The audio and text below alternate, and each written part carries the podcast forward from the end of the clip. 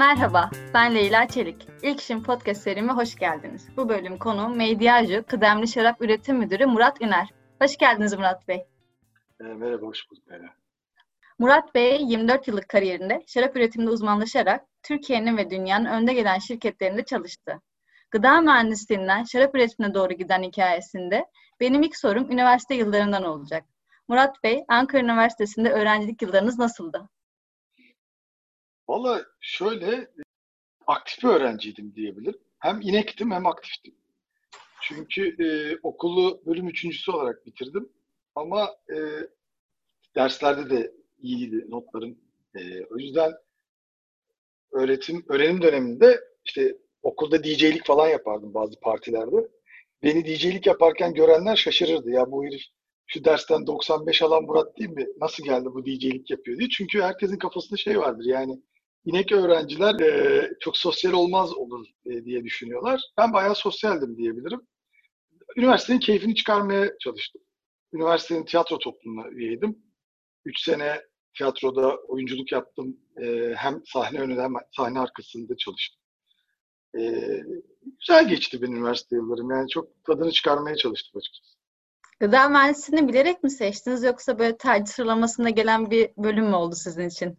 Şöyle o zamanlar okulların böyle kariyer günleri falan yoktu. Bize anlatmıyorlardı hangi okulda nasıl fırsatlar var. Ne okursan ne olursun. O dönem e, gıda mühendisliğinin e, ileride çok söz sahibi olacak meslek dallarından biri olduğunu okuyordum. Gazetelerde işte bu gazetelerin kariyer sayfalarında falan. Ama ağırlıkça çok bilinçli değildik açıkçası. Fen e, okuyordum. O zaman matematik, fen ve edebiyat da ayrılıyordu fen okuduğum için ya yazabileceğim bölümler belliydi. Benim tercih sıralamamda e, tabii ki tıp vardı, dişçilik vardı, eczacılık vardı, gıda vardı.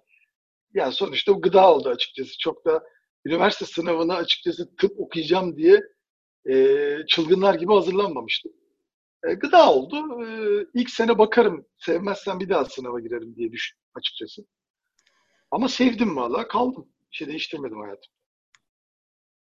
Bence üniversitede bir üniversitenin kendi sosyal ortamı çok böyle insanı kendisine çekiyor oluyor. Arkadaşlar ve sosyal çevre. Öte yandan hocalar ve dersler de başka bir tarafta duruyor. Sizde hangisi daha ağır bastı?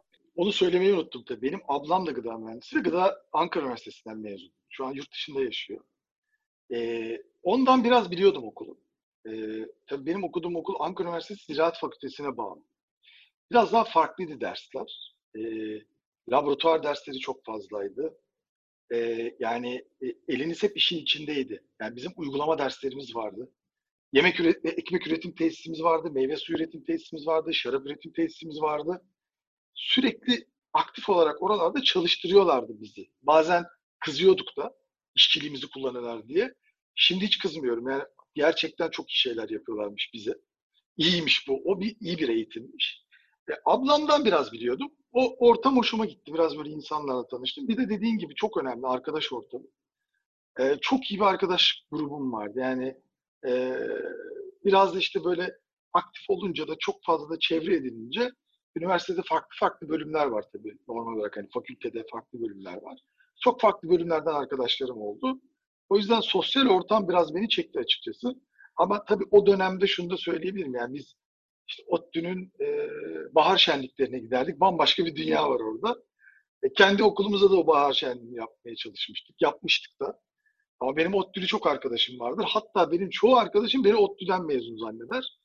Çok bulunmuşumdur orada yani giderim. Sosyal olarak ama yani çok gitmişliğim ve gidip gelmişliğim vardır. O yüzden hani hangi okulda okuduğumdan ziyade üniversite döneminin tadını çıkarmayla alakalı biraz. O yüzden sevdim okuduğum okulu bazı zorlukları olmasına rağmen yani yeri, yerleşkesi, böyle ODTÜ gibi kapalı bir yerleşkesi yoktu ama e, işin içinde biraz da tarım olunca biraz belki de hoşuma gitti. Çünkü üretim vardı işin içinde. Dediğim gibi yani size şöyle söyleyeyim hani haftanın iki günü e, dersliğe girerken biz e, şeye girerken, amfiye girerken sıcak ekmek kokularıyla girerdik. Çünkü ekmek üretim tesisi vardı.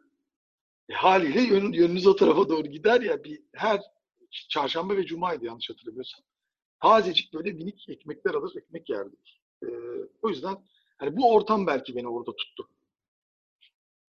Ne güzel. Birçok anıyı da beraberinde getirmiş sizin de bugüne kadar. Çünkü üniversite yılları anıları da çok unutulmuyor. Böyle güzel hatırlamak bence çok kıymetli. Peki sizin böyle bu üniversite yıllarınızda yapmış olduğunuz stajlarınız var mıydı gıda mühendisliği alanında? E tabii şimdi e, mühendislik okuyanların hepsi tabii her üniversitede ve dönemsel olarak değişiyor bildiğim kadarıyla ama benim okuduğum dönem yanlış hatırlamıyorsam bir dört haftalık zorunlu stajımız vardı. Bazı üniversitelerde iki staj yaptırıyorlar. Bir işte laboratuvar stajı, bir proses stajı gibi. Benim dönemimde bir sene yapıyordunuz. Üçüncü sınıftan dördüncü sınıfa geçerken işte dört haftalık bir e, işletme stajım vardı. Onu Ankara'da bir büyük bir şarap işletmesinde yaptım. Burada şarap işletmesini bilerek mi seçtiniz yoksa tesadüfen mi gelişti her şey? Çünkü gıda mühendisleri her zaman şarap işletmesinde staj yapmazlar. Ee, ya tamamen tesadüf. Ya ta- tesadüf derken şöyle, e, hayat şartları ve kader beni oraya yönlendirdi diyebiliriz. E, memur çocuğuydum, orta halli bir ailede yaşıyordum. E, staj yapacağım zaman da yine dediğim gibi bilinçli değiliz, nerede yapabiliriz? Ankara'da endüstriyel olarak çok fazla gıda işletmesi yok. İstanbul, Taşra'ya gitmeniz lazım. E, önüme iki tane seçenek çıkmıştı açıkçası. Bir tanesi e, İzmir'de Pınar Süt. Diğeri de işte Ankara'daki bu işletme. Ankara'daki işletme de biraz e, biraz torpille oldu açıkçası. Hani birilerini bulduk falan filan. E, ikisinden biri olacaktı. Ya babam devlet memuru. Bana dedi ki oğlum ben seni İzmir'e yollayayım ama kalacak yer veriyorlar mı? E, vermiyor. Ya bir ay bir yerde konaklamam lazım. Akraba da yok. Finanse edemem dedi yani. Yok öyle bir şansım. Ben de gideyim şarap stajı yapayım. Şarap stajı yapana kadar e, bu iş dalının e, özel bir dal olduğu ve gıda mühendisleri ya da kimya mühendisi de olabilirsiniz. Kendilerini bu alana atabileceklerini hiç bilmiyordum açıkçası. Oraya gittikten sonra biraz böyle gözüm açıldı, kendime geldim diyebilirim.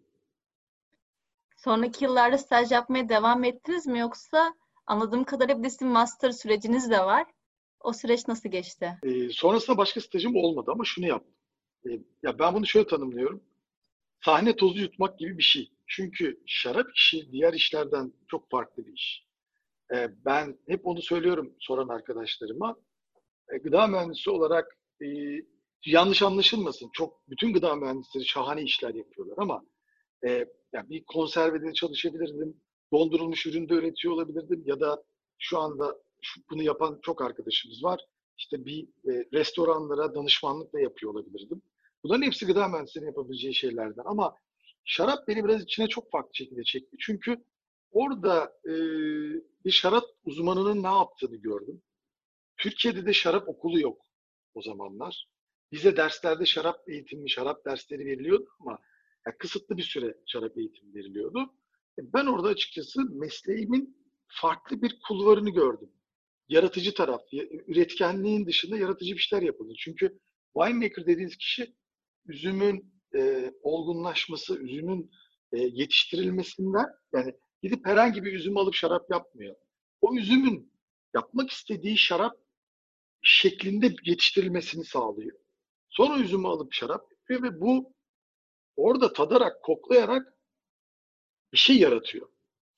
Ve o yarattığı şey belki 20-25 sene içiliyor. Çünkü şarap yıllanabilen bir şey olduğu için bazı şaraplarınız 1-2 senede tüketiliyor. Bazıları kavanıza koyuyorsunuz.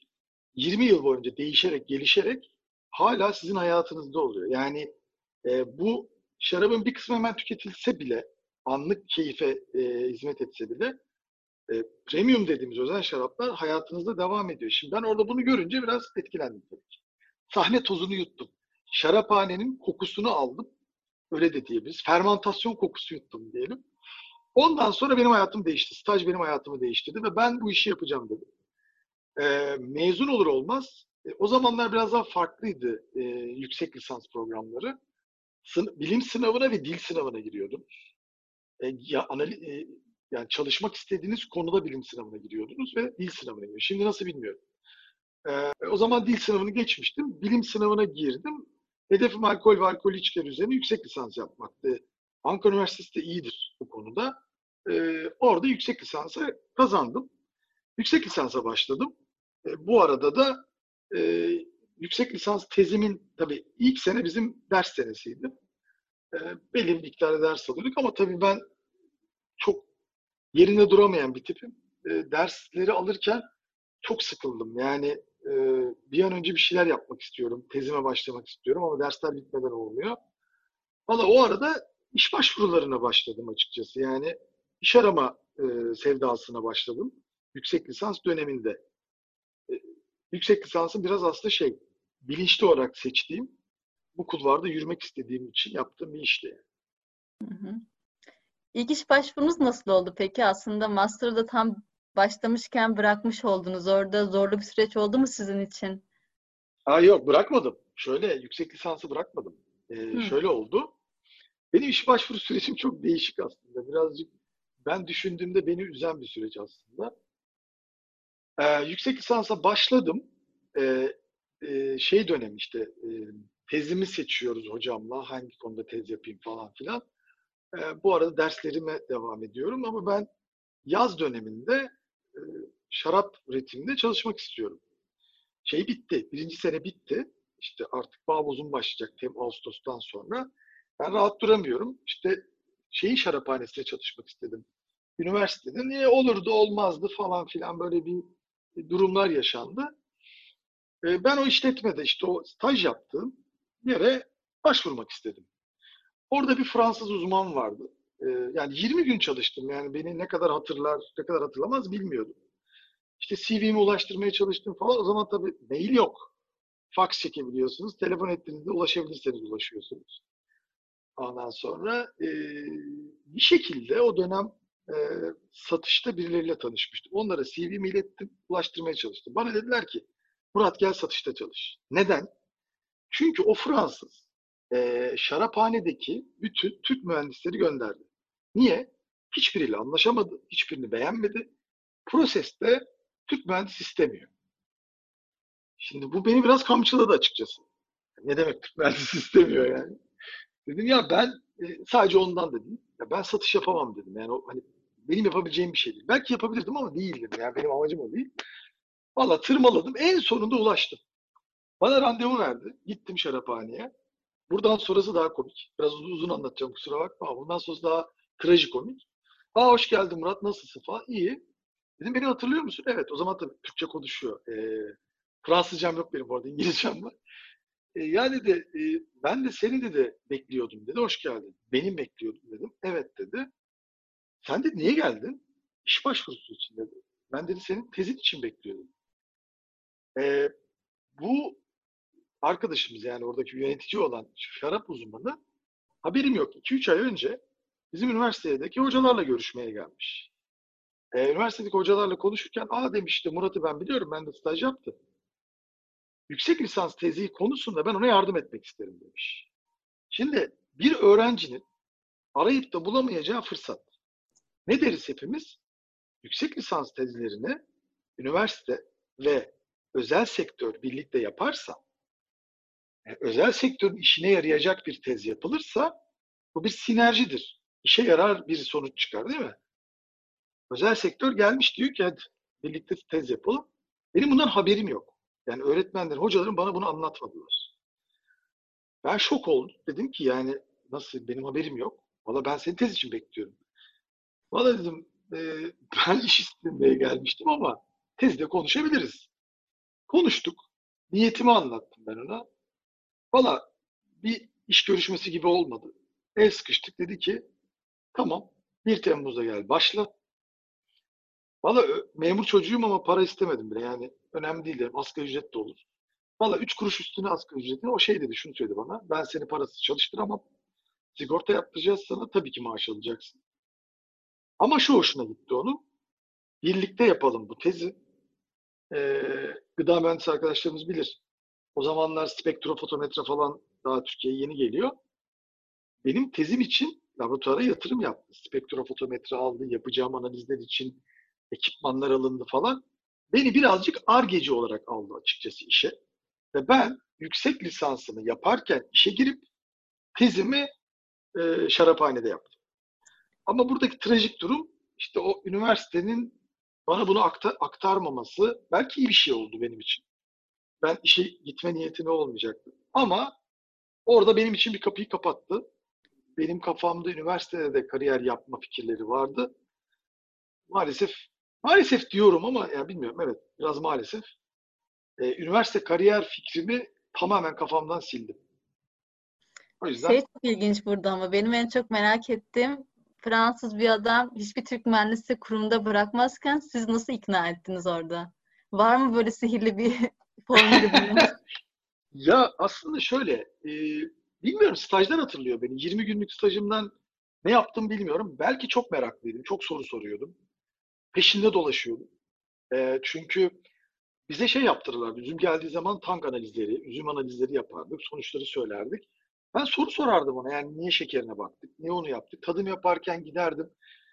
Merak mı ediyorsun derdi. Evet derdim. Bana da kadeh verirdi, tattırırdı. Belki o etkili oldu. 20 gün yani başka bir şey değil. Ama asıl konu anladığım kadarıyla yaklaşımım hoşuna gitti. Çünkü ikimiz de birbirimize baktık. Yani hocalarımın bana tez için bu yönlendirmemiş olması benim kapım, kapıyı tırmalıyor olmam onun belki hoşuna gitti. Ama önemli olan orada şu tabii yani bir sene sonra yollarımız da ayrılabilirdi. İçeriye girdikten sonra, ben çalışmaya başladıktan sonra e, demek ki bir şeyler gördü. Ben de birazcık e, hevesle çalıştım diyelim. E, bu yolda devam ettik bu sayede. Ne güzel. Peki ilk işinize başladığınızda artık böyle sizi çok şaşırtan durumları oldu mu iş, iş hayatında? Çünkü stajyerliğiniz 20 gün devam etmiş. Aslında çok da deneyiminiz yok iş hayatında. O yıllar nasıl geçti sizin için? Ya şöyle, e, ilk işe başladığımda staj yaptığım için biraz da sosyal olarak yani aktif bir insanımdır. Herkesle diyalog kurarım ederim. Ya herkesi tanıyordum gittiğimde. Yani laboratuvardakileri, herkese. Aa Murat hoş geldin, işe başlamışsın, hayırlı olsun falan. İlk günüm çok, çok büyük bir şans sanırım. Stajyerlikten iş yerine evet. geçiş yapmak çok güzel Aynen bir öyle. Ya, bizde de oluyor mesela. Yani var. E, isim vermeyeyim diyeceğim ama mesela Marvin var mesela. Staj yaptı ve işe başladı. Yani ben e, Marvin'i yıllardır bize çalışıyormuş gibi düşünürüm ama öncesinde staj var. Aslında o staj yaparken de bizde çalışıyordu. Hani öyle geliyor bana bilmiyorum. Neyse. İlk iş günümde şöyle şeyim yoktu. Hani bir masam yok, bir odam yok. E, tabii o zaman laptop zaten yok da yani gel hoş geldin bu senin laptopun, bu masan falan demediler. Burası laboratuvar, sen burada çalışacaksın dendi. Laboratuvar tezgahlarının en köşesine bir tane sandalye koydum. Laborantlara merhaba dedim. Ondan sonra yavaş yavaş benim için ihtiyaç olan ekipmanlar seçildi. Yapacağım analizleri konuştuk. Böyle süreç gelişti ama benim için ilginç olan ilk günden ziyade ilk iş deneyimimde şu ilginç geldi. O öğretiyi hiç unutmuyorum. E, şu an biz onu yapmıyoruz. Yapmak çok istiyorum ama yapmıyoruz. Aslında yapsak iyi olur. E, bir miktar yapıyoruz yani bir yere kadar. Ben e, şaraphanede ilk sene e, bizim şu an çalıştığımız Daniel var danışmanımız. Biz onunla birlikte şunu söyleriz. Şaraphanede ilk çalışmaya başlayanlara laboratuvar faresi diyoruz. Şaraphanede fare olarak işe başlarsınız. Her şeyi burnunuzu sokmanız lazım. Ben bir şaraphanede fare olarak başladığımda bana o zaman e, bir maserasyon tankı, üzümlerin doldurduğu tanklar vardır. Boşalttıktan sonra için yıkanması gerekir. Tulum giydirip maserasyon tankına sokup tankı yıkatmıştı bana o zamanki uzman. Çok küfretmiştim. Çünkü çok zor bir iştir. Karbondioksit var içeride. Fan koysanız bile gözünüz yanıyor. Birisi yukarıdan takip etmek zorunda. Çünkü karbondioksit boğucu ve öldürücü bir gaz. Ee, yani korkunç bir iş. Zor bir iş. Yaptım, çıktım. Su içinde, e, ter içine. O suyun sebebi terden dolayı. Üstümü çıkarttım falan filan. Ya bana bir tek şey söyledi ki bir şeyi yapmazsan yani nasıl yapıldığını bilmezsen nasıl yapılması gerektiğini de söyleyemezsin ya da yönetemezsin. Yani araba sürmeyi bilmiyorsan birine araba sürmeyi öğretemezsin gibi bir şey bu. Ya bu o kadar önemli bir öğreti ki. Ben ilk sene benim gibi orada pek çok arkadaşım bir işçi olarak çalıştım. Bundan hiç gocunmuyorum. İşçi olarak çalışmak dünyanın en güzel şeyi. Ee, yani gocunmuyorum derken işçilik, biz de işçiyiz sonuçta. Biz yönetici işçileriz aslında. Ama yani işçi olarak çalışmak, tank yıkamak, tank aktarmak, pompa çekmek, üzüm seçmek bir şey değil zaten. Yani işin ağır kısmını yapıyor olmak size inanılmaz bir tecrübe kazandırıyor ilerleyen yıllarda, ya yani ilk sene bu oldu. Benim ilk sene, ilk en, enteresan gelen şey bana üniversitede bize gıda mühendislerinin yapacağı şey işte termodinamikler öğretirler. Bir sürü şey öğretirler. Biz oturup orada hesap kitap yapıp işler vereceğiz zannediyoruz. Öyle değil. Çalışacaksınız. Yani orada emek var. Belki bu şaraphanelere özel bir şey. Onu da söylemek lazım. E, o şekilde çalıştığınız zaman o size şunu sağlıyor. İşçiye bir iş verdiğiniz zaman, çalışan arkadaşınızdan bir şey talep ettiğiniz zaman o işin zorluğunu, nasıl yapılacağını ve ne kadar süreceğini biliyorsunuz. İki türlü işe yarıyor. İyi plan yapabiliyorsunuz. Bir de kül yutmuyorsunuz. Yani bir iş size 3 saatte bitiyorsa o işin 3 saatte bitmeyeceğini bilirsiniz. Yani dersiz bir dakika. O 3 saatlik bir iştir. Ya işte tulumba çektik, onu hortum bağladık falan filan. Bu çok önemli bir deneyimdi benim için. İlk sene dediğim gibi yani her şeyi yaptım diyebilirim. Ama sonraki senelerde şunu hiç bırakmadım. E, yönetici olmaya başladığımda dahi hala öyleyim. Yani kıyafetimi görseniz tulum, yani işçi tulumu giymiyorum. Kendime göre kargo pantolonum var falan filan. Yani hep elim işin içindedir. Müdahale ederim. Mutlaka içinde olurum. Hatta laf uzattım ama yani Elazığ'da Emre ile 3 sene falan olmuştur. Vardiya değişim döneminde biz tadım yapıyorduk. Bir tankın aktarılması lazım. İşçilerin gelmesine 2 saat var. Şimdi tatlık şarabı yapılması lazım o işin. 2 saat bekleyemeyiz. Birbirimize baktık. Hadi dedim. İkimiz de o tecrübeden geliyoruz çünkü. Hortumları bağladık. Her şeyi hazırladık ve biz o havalandırmayı yaptık. İşçiler geldiğinde iş bitmişti. Dediler ne yaptınız siz? Hadi bakalım presi alıyoruz dedik. Yani bu önemli bir şey. Yani e, o işte ilk sene e, öğrendiğin şey aslında e, şarap üretiminde özellikle şarap için konuşabilirim. Öyle yapayım daha doğru olur. E, elinizin, elinizin işin içinde olması lazım. Her türlü laboratuvar analizini yapabiliyor olmanız lazım. Çünkü o zamanlar şöyle bir şey vardı. Şimdi iş kanunu değişti falan filan çok dikkat ediyoruz her şeye ama hafta sonu laborantınız hastalanabilir. Ve siz üzüm alıyorsunuz. Üzüm analizi yapmanız lazım. Bir tek siz varsınız. Analiz yapmanız lazım. O yüzden o tecrübe çok kıymetli ilk tecrübesi. Evet. Zaten e, bugün aslında çok güzel hikayeler anlattınız bize. Bu kadar hikayeden sonra geçmişe baktığınızda o günkü hayallerinizin hepsini gerçekleştirdiğinize inanıyor musunuz? Ya e, ya şöyle bak şöyle bir hayalim vardı açıkçası. Bir dönem yani 2000'li yılların başıydı. E, bir yurt dışı fırsatı doğdu benim için. Yani söyleyeyim de hani benim ablam Avustralya'da yaşıyor. Avustralya'da yeni dünya şarapçılığının merkezlerinden bir tanesi. E, oraya gidebilme şansım vardı. E, hazırlanıyordum. E, ama Türkiye'de işte o çalıştığım firmada bir yapısal değişiklik oldu ve benim ciddi anlamda kariyerinde 3-4 basamak yukarı çıkmamı sağlayacak bir şey oldu. Ya yani oraya gitseydim yurt dışına biraz daha geriden başlayacaktım her şeye bir Türk olarak orada biraz daha eğitim tekrar almam gerekecekti falan. Bunu yapabilirdim. Bir tek o var kafamda. Yani nasıl olurdu e, o yola girseydim? Bir tek onu düşünüyorum açıkçası. Yani aklımda kalan. E, ama onun dışında bir şey düşünmüyorum. Çünkü açık söyleyeyim ben şu an yaptığım iş, yer, bulunduğum yerden, yaptığım işten çok memnunum. Çalıştığım firmadan çok memnunum. Çünkü yani biraz yanlış anlaşılmasın ama yani ben e, özgür çalışan, e, satışından pazarlamasına, e, yani bütün yani satış pazarlama diyeceğim çünkü bütün birimler bizimle tabii ki destekli çalışıyor ama hani yaptığımız iş biraz daha satışa pazarlamaya hizmet etmek olduğu için e, çok birbiriyle destekli çalışan e, biz şimdi ben üretim mühendisi diye söyledin ama biz mesela kendimizi winemaker olarak tanıtıyoruz. Üretim mühendisi arkadaşlarım yani winemaker arkadaşlarımla e, Türkiye'de çok özel işler yaptığımıza inanıyorum. E, Türkiye'de çok farklı şaraplar, çok farklı stilde şaraplar yapabilme cesareti gösteren bir ekibiz. E, bana sorarsan 20 küsur yıllık, işte 24 yıllık tecrübem var diye konuşuyoruz. E, son 15 yıldır zaten çok şey değişti.